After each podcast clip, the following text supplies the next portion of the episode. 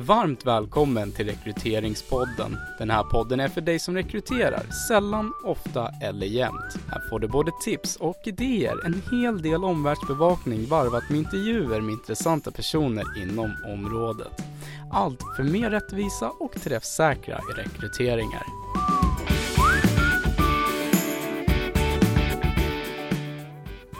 Hej och välkommen till Rekryteringspodden.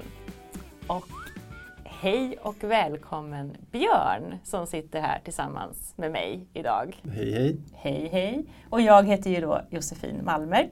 Eh, och jag är superglad att få ha Björn här. Eh, för att du och jag har ju sprungit på varandra jättemycket. Vi har dessutom jobbat med varandra tidigare och så. Mm, Eh, just nu så jobbar du på Qt. Sen Ja. tre år tillbaka fick jag precis höra. Precis. Eh, och eh, jag har massor med saker som jag vill prata med dig om och ställa frågor till dig kring. Men jag tänker innan vi börjar så får du gärna lite kort bara presentera dig och vad du gör på Qt. Mm, absolut. Eh, och, ehm, eh, på, på Qt så, jag jobbar som seniorkonsult på Qt och är eh, legitimerad psykolog i grunden. Har varit på Qt som du sa i tre år ungefär. Eh, och, och jobbar på vårt Stockholmskontor. Jag var en liten sväng över till London i några månader och då jobbade jag mest med attraktion av kandidater. Alltså hur kan man eh, bygga olika, olika lösningar för att få folk att söka jobb. Eh, Så det gjorde där och sen nu på Stockholmskontoret så, så jobbar jag egentligen väldigt mycket med processbyggande av, av eh, urvalsprocesser. Eh, Så vad händer med olika former av nyckeltal beroende på vilka tester man lägger in vart eller om man lägger in videointervjuer eller vad man nu gör för någonting. Alltså vad händer i slutet. Så mycket det jobbar jag med. Sen, Mycket med att mäta och följa upp Ja. jag förstår det rätt. Ja, exakt, exakt. Så vi ska veta att det faktiskt funkar så att det ger någonting på slutändan. Om det är ja, sänkt personalomsättning eller ökad produktion eller vad det nu är för någonting. Så det gör jag på dagarna. Och föreläser lite grann ibland. Lite, lite så. Mm. Det har vi också gjort tillsammans Mm, japp. några Ja, gånger. ja. Ja. Eh, kul! Och apropå att mäta så, då, så min första fråga till dig, eller som jag skulle bara vilja att du berättade om för våra lyssnare, Mm. det är ju din uppsats egentligen. Eh, den studien som du gjorde där du också mätte saker och ting. Mm. Var det där intresset för att mäta kom eller? Ja men det är någonstans, eller det var ju liksom när, när, när, eh, när vi gjorde, när jag gjorde den här studien, det, det är ett, eh, ett, ett x antal år sedan nu, men, men det var väl eh, liksom den, en av de första inblicken i den här typen av bransch. Alltså hur funkar rekrytering, vilka olika alternativ finns det? Men vi hade ju på den här studien en annan tappning än vad man brukar. Alltså. Just det. För det ni gjorde då, du ska få berätta själv så att inte jag säger fel saker här, men eh, ni tittade på olika typer av urvalsmetoder. Inte utifrån hur väl de predicerade generell arbetsprestation, Nej, utan utifrån alltså, om de diskriminerade eller inte. Mm, precis, det var det. Därför att eh, tanken var att ja, men det finns jättemycket studier som kollar på men hur, eh, hur, hur kan man predicera arbetsprestation. Och det har blivit undersökt gång på gång på gång i ja, men, hu- hundra år. Alltså fungerar begåvningstest eller fungerar personlighetstest och vad ger det eller eh, vad ger ett arbetsprov och så, och så vidare. Och där, det har liksom blivit så pass uttömt tyckte jag när, när jag skulle göra den här uppsatsen då, att det är inte intressant att titta på, ja men funkar tester, det, det har redan beprövats. Men däremot så vi hittade inget material på ja men, eh, påverkar urvalsmetoden risken för diskriminering? Eh, alltså kan du, den mångfald som du har i eh, ansökningsgruppen, kommer den att påverkas beroende på vilken metod du använder? Och det var det vi, vi undersökte. Och jag antar att ni någonstans trodde att ja, det, det gör det antagligen. Ja, det var ju det vi, trodde. Ja. Eh, och det vi, det vi gjorde då, det var att vi hade man, man tar hela studien från, från början till slut, Mm. li- lite kort, så, så var det egentligen att vi hade eh, 800 personer som sökte till ett företag eh, och de här 800 persen delade vi upp i två grupper. Så 400 fick göra så som det här företaget som undersökte då, de fick göra på deras vanliga vis när de rekryterade. Och det var egentligen att ja, men de skickade in personligt brev och CV och så kollade för eller rekryterarna på det och så kallade de några vidare till intervju och sen hade vi en, en slutintervju. Så 400 fick göra på det viset, alltså Mm. klassiskt Mm. rekryteringsmanér så. Och eh, 400 fick istället göra tester och klarade de en viss cut-off på testerna så fick de göra videointervju och sen gå vidare till slutintervjun. Mm. Så vi tittade ju på de här två grupperna med 400 pers i vardera och kollade på, okay, men påverkar valet av metod vilka som går vidare kön, ålder eller etnicitetsmässigt? Mm. Eh, och, och det, vi, det vi antog då det var att ja, men, om du har en mer ostrukturerad eh, process som, som CV-granskning och intervju är, därför att det är så mycket att hålla reda på, det är så mycket info, så tänkte vi att ja, men då kommer det komma in en massa fördomar i det där, för att man lägger ju in saker. Det är som när du läser ett CV, om du tittar på namnet på ett CV, ja men då börjar du tänka massa saker bara av att läsa namnet. Precis, och det går inte att och stoppa Nej. sig egentligen där? Nej, det gör det inte. Alltså, vi, vi, vi har ju de erfarenheterna vi har och det lägger, alltså, allt vi ser färgas ju av de personerna vi är. Mm. Så det var ju det vi tänkte medans alltså mera strukturerade urval om vi kollar på tester med videointervjuer. Där är det ju ett system som gör ett beslutsfattande åt dig eller hjälper dig med det. Och ett system är ju blint. Mm. Då. Eh, men, det vi såg i alla fall när vi, när vi kollade på de här två grupperna det var egentligen att ja, men om du blir rekryterad på det klassiska sättet, alltså CV, personligt brev, eh, sådana bitar så, så, kommer det påverka mm. väldigt, väldigt mycket. Mm. Eh, och vi såg ingen påverkan på tester eller videointervju. Alltså där spelade det ingen roll hur gammal du var, vilket kön du hade eller din etnicitet. Det, det, det hade inte med saken att göra utan det som hade med saken att göra det var hur bra du, du presterade på testerna och videointervjun. Mm. Men när vi då tittade in på men, etnicitet då, i det här vanliga klassiska mm. urvalet. Ja men där var det solklart egentligen att från, från början så hade vi ungefär 30 procent eh, som sökte till det här företaget som hade eh, annan etnicitet än, än, typisk svensk. Det var så vi definierade det. Mm. Och efter det första urvalet, alltså efter CV och personligt brev, så var det bara 16 procent kvar med annan etnicitet mm. än, än typisk svensk. Och efter den första intervjun så var det bara 9 procent kvar. Så det var liksom solklar diskriminering. Eh, och vi pratade med rekryterarna och, och, både innan och efter studien. Bara för att se men vad, vad är det för, för, för människor. Mm. Eh, och det var ju det supertrevliga individer som verkligen vurmade för mångfald och där de tyckte att ja, men, eh, alla ska ha liksom sin chans. Och mm. de ville dessutom ha en, en, en, en eh, ja, men var jättenoggranna med att det här ska kunna vara ditt första jobb. Det spelar ingen roll vart du kommer ifrån, vem du är, alltså mm. sådana saker. Men även fast de har de värderingarna så spelade det ingen roll. De la in sina egna fördomar. Ja, det blev ja. Så att det vi också såg på det här det var att om, om du hade ett namn som inte klingade svenskt, alltså om du inte, om du inte hette Björn eller Josefin, mm. eh, då hade du 80% svårare att gå vidare till sista intervju. Mm. Eh, så, så det är liksom, eh, det, det är såklart diskriminering, mm. definitivt.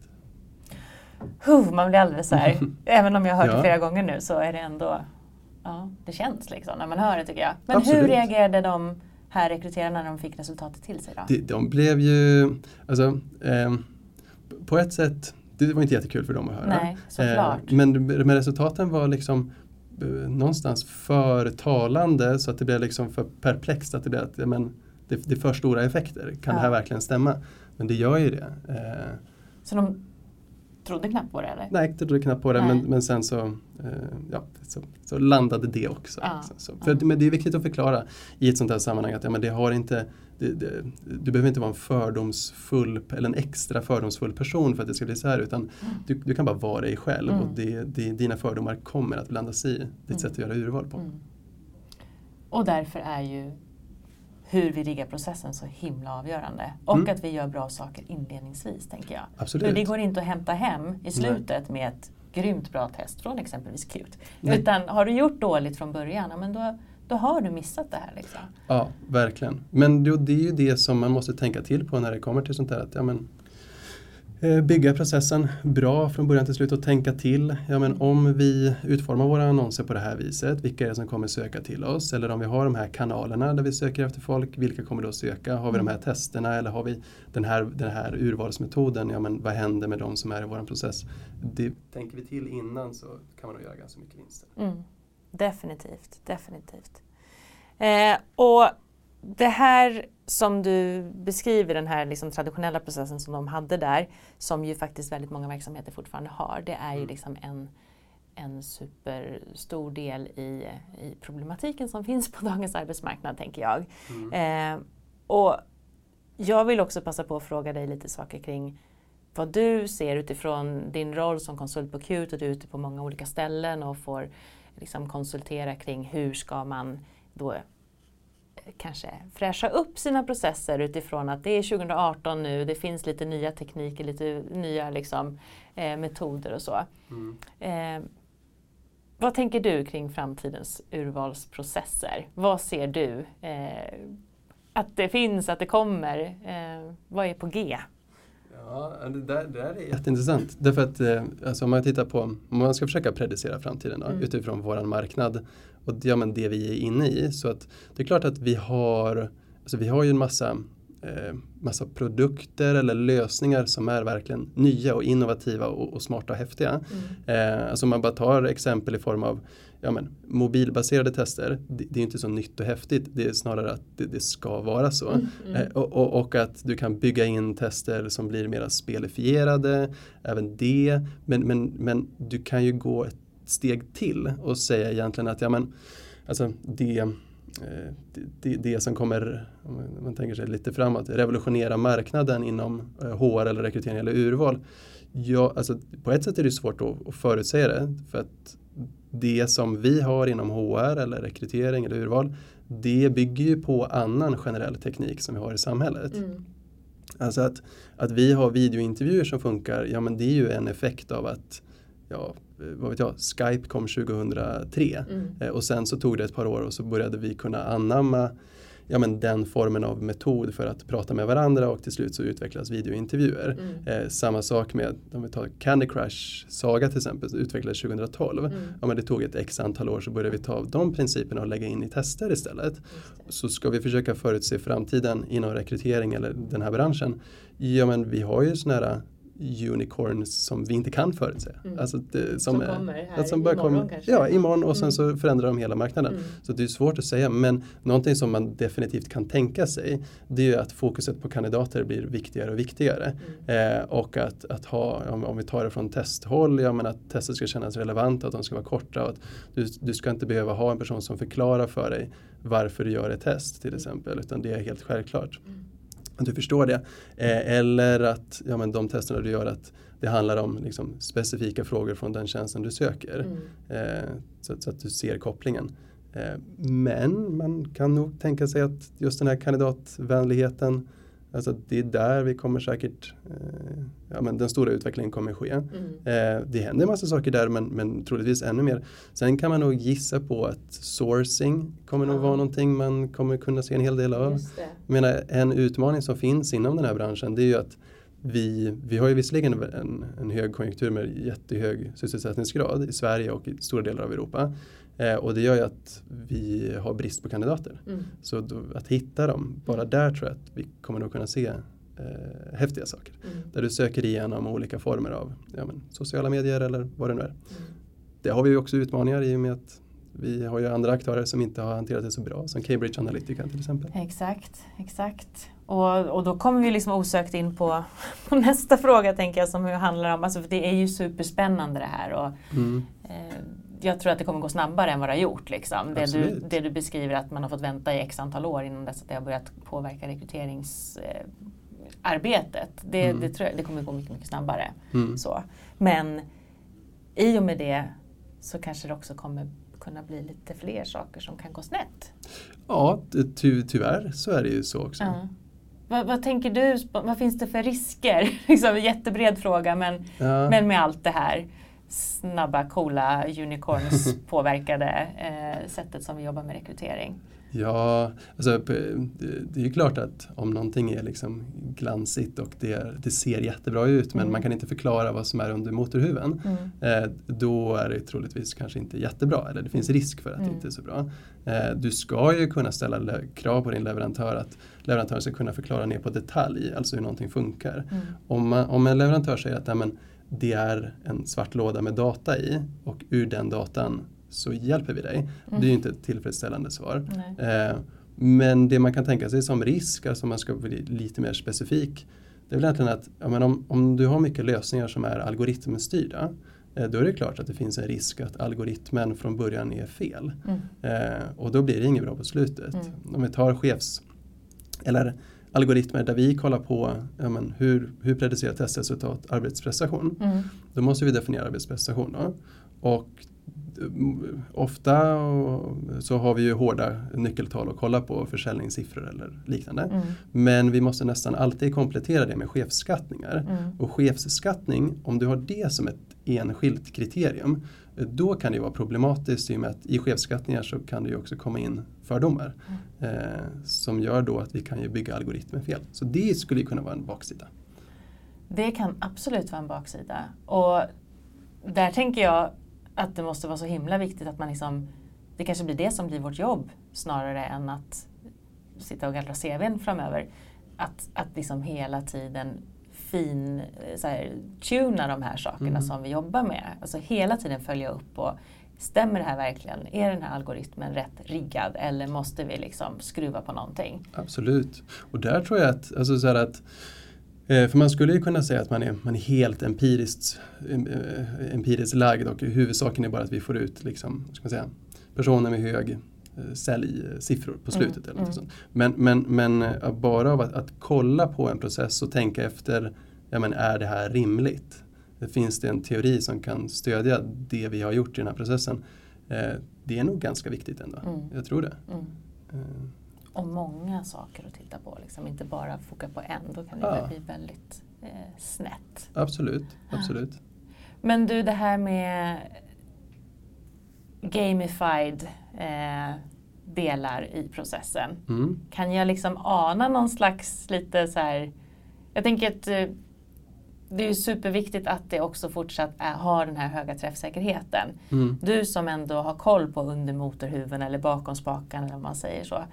Ehm, för där tror jag ganska många som, som håller på med rekrytering och ansvarar för rekryteringsprocesser funderar på hur kan vi göra det här lite mer härligt för kandidaterna, lite mer liksom, eh, modernt, attraktivt eh, så, utifrån kandidatupplevelsen och, och så. Mm.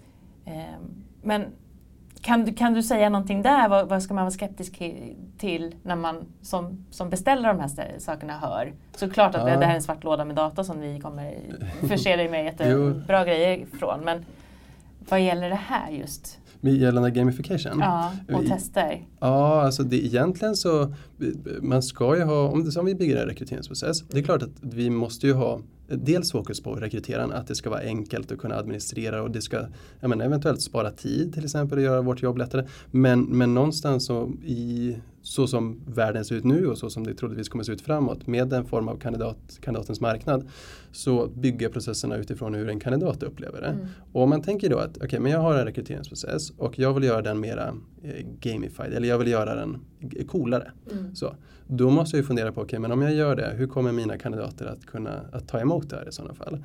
Så det, det vi har sett med gamification överlag, det är ju att ja, men det uppskattas av kandidater när det är liksom på en lagom nivå. Mm. Om det är jättemycket, om du, om du lägger in arkadmusik och eh, uppgifter som inte uppfattas relevanta eh, som är kul i liksom spelformat så kommer troligtvis inte kandidaterna att uppskatta processen för att för dem är det ju ja, men high stakes. Ja, Alltså visst, det här är super. Alltså, Det ja. upplevs som oseriöst utifrån att man faktiskt sitter där och ja, gör en väldigt viktig avgörande eh, sak kanske för sin Ja, framtid. ab- Absolut, jag menar om du söker ett jobb då vill du ju du, oftast då ja, men verkligen ha jobbet och det här kanske är jätte, jätteviktigt för dig och då är det ju mera på sin plats att göra det lagom gamified. Alltså Mm. det, nivån någonstans skulle ligga på att ja, men, tester eller hela processen egentligen ska vara engagerande men den ska inte vara flamsig. Eh, och där är det liksom, alltså så här, det är svårt att säga vart exakt ligger den gränsen. Men man får fundera på när man bygger en process, ja men eh, hur skulle det här vara för de personerna som vi vill ska söka till oss? Mm. Eh, och lägga det där Mm. någonstans. Mm. Ehm, nu avslöjar jag min egen så här, inkompetens här nu då, men jag tänker vad gäller så här, färdighetstester och begåvningstester, där kan jag någonstans föreställa mig lite grann hur det funkar, tänker jag. Mm. Det är, jag kan lätt se hur man, eller lätt, men jag kan, jag kan tänka mig hur man tar fram sådana. Men när vi kommer till personlighet, då tänker jag att det, det, det, det övergår mitt förstånd. Liksom. Hur sjutton kan man göra ett personlighetstest eh, till ett spännande spel? Ja, den är lite knivigare. Eh, alltså att, att göra ett, säg att vi ska göra ett femfaktortest eller liknande så. Ja. Mera eh, eh, till, ett, till ett spel.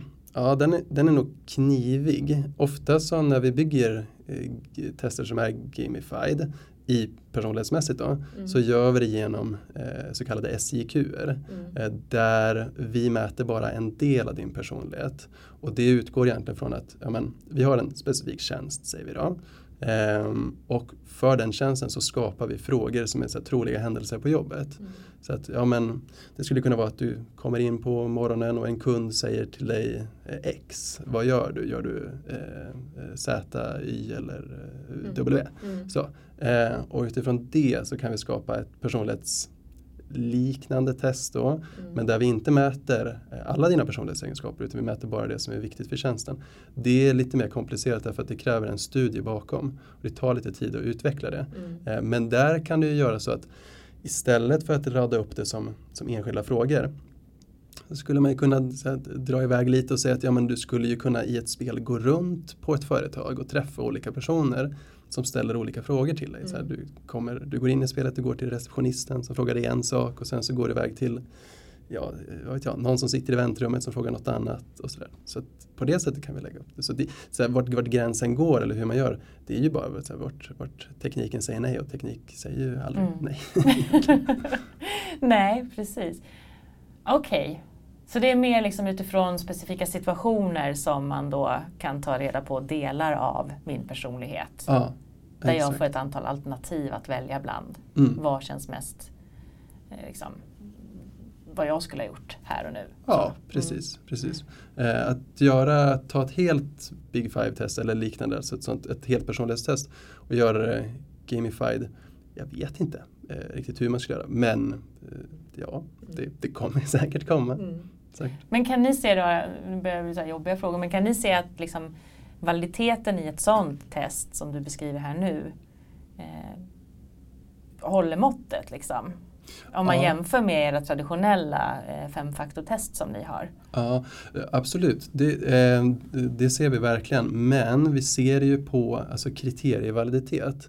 Om vi, om vi definierar validitet som okej, men hur hög arbetsprestation kan vi förutsäga? Mm. Eller, ja, så, eh, då får vi, inte alla gånger, men de absolut flesta gånger, väldigt, väldigt hög validitet med sådana här eh, ja, eh, SIQ. Då. Mm. Eh, men det är ju också därför att då mäter vi arbetsprestation för en tjänst och använder bara frågor som verkligen funkar. Och att använda ett traditionellt personlighetstest, det kan mycket väl ha väldigt hög validitet men det kniviga där är ju att vi många gånger inte riktigt vet vilka skalor som är relevanta Mm. för det specifika jobbet. Mm. Eh, men ett personlighetstest ett generellt sett, eh, ja men det mäter ju också hela personligheten. Mm. Det gör vi ju inte med ett SIQ. Nej. Så. Och tänker jag fel nu? Jag tänker att det blir som en fusion mellan ett personlighetstest och ett arbetsprov nästan. Ja, ja, exakt. det, blir det. som ett Ja. simulerat arbe- alltså, eh, Ja. arbetsprov. Så. Absolut, och, och där har vi ju också utmaningen med att vi kan ju eh, vi, vi kommer ju ha svårt att bygga ett SIQ för en roll som är oklar. Mm. Eh, det, det blir jättesvårt. Mm. Och då tackar ni nej till att göra det?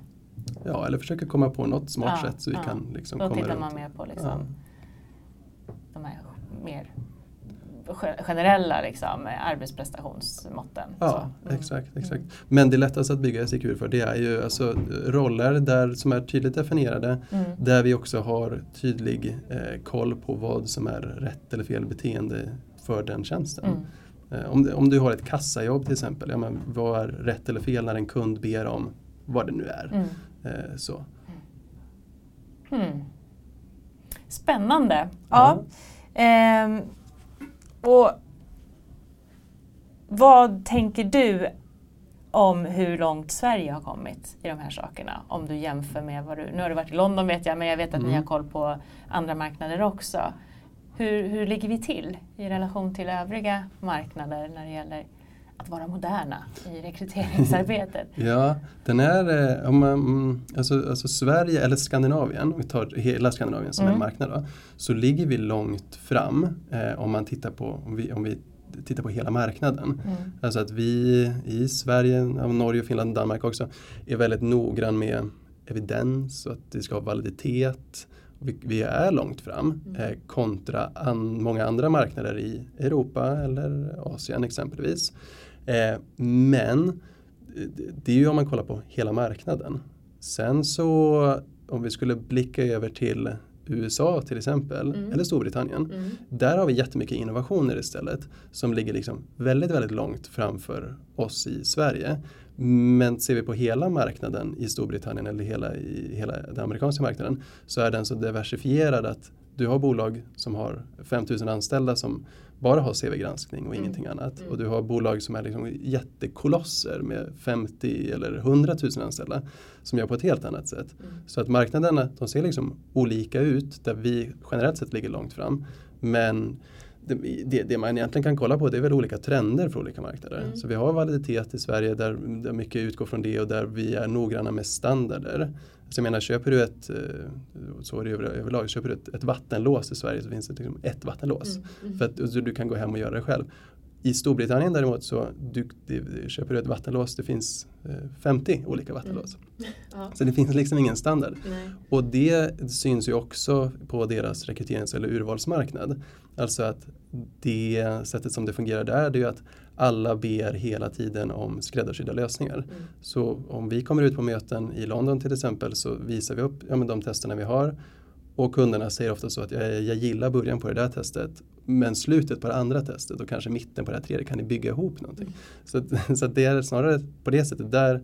Och en annan trend som vi kan se i, i USA är väl att ja, det är väldigt, väldigt viktigt att juridiken är med. Du får Mm. absolut inte diskriminera och integritet är också väldigt, väldigt viktigt. Eh, och Tyskland ligger väl någonstans mittemellan av allt det här. Mm. Eh, och kollar vi, blickar iväg mot, mot Asien istället så ja, då är det snarare att det ska vara väldigt, väldigt nytt. Eh, Mhm. och att Mm. attraktion av kandidater blir ännu viktigare. Mm. Eh, så, det är ju det är stora skillnader mellan marknaderna men ja, om man ska försöka räkna ut så här, vad, vad kommer komma snart i Sverige. Mm.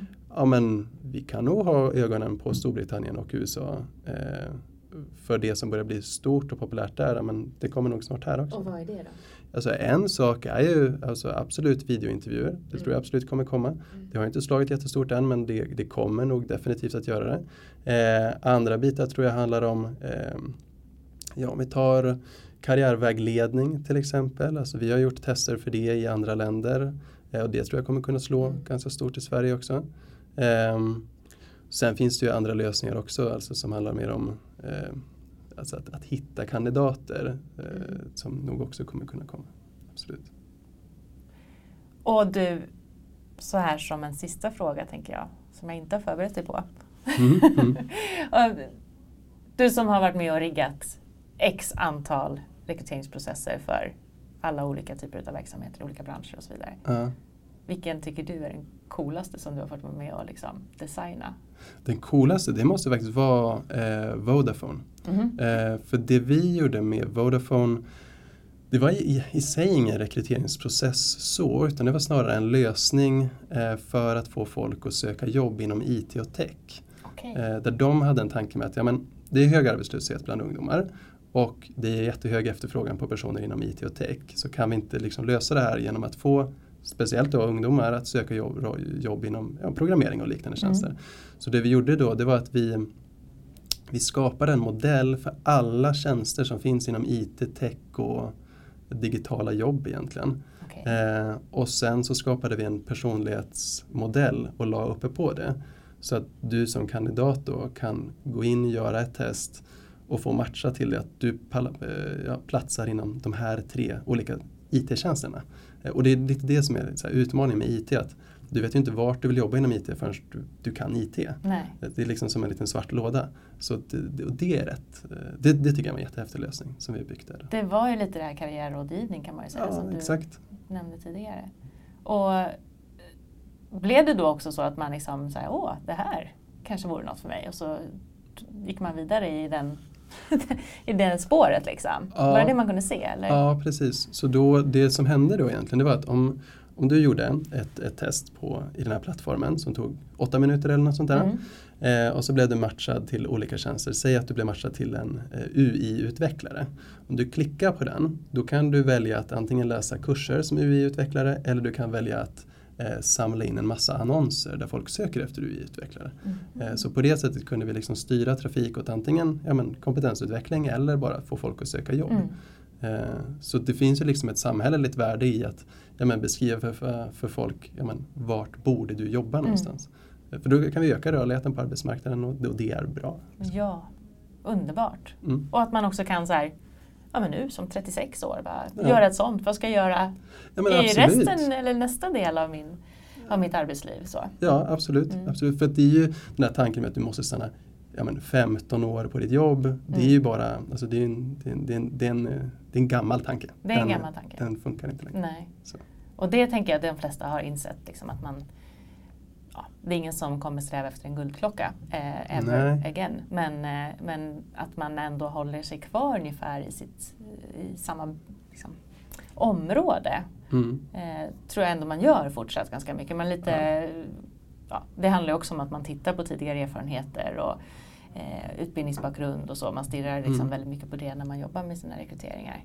Absolut, men, och där har vi någonting just för, för kandidaterna. Så det finns data från, från SCB där, där, vi, där, vi kikade på men hur många bytte jobb i Sverige förra året. Mm. Mm. Jättemycket människor. Men så här, dubbelt så många som bytte jobb ville byta jobb men de vågade inte. Nej. Eh, och de som faktiskt byter jobb i Sverige är ju generellt sett, eller mycket högre andel medelålders män med akademisk bakgrund. Mm. Eh, vilket innebär att vi låser ut en stor del av befolkningen för att folk inte, inte vågar byta. Mm. Av en massa olika skäl. Mm. Så kan vi ge liksom en liten eh, ja, men en knuff eh, Mm. liksom i rätt riktning så är det superbra. Häftigt exempel, det förstår jag att du tycker var Mm. coolt. Ja, det tycker jag var coolt. Bra! Jag tror att jag har ställt de frågorna som jag kan komma på nu. Är det någonting Mm. som du känner så här att här vill jag nämna i rekryteringspodden? Nej, inte, inte som jag kommer Nej. på spontant. Nej. Jättekul att du ville komma. Det var jättekul att få vara här. Tack så jättemycket. Då säger vi hej då!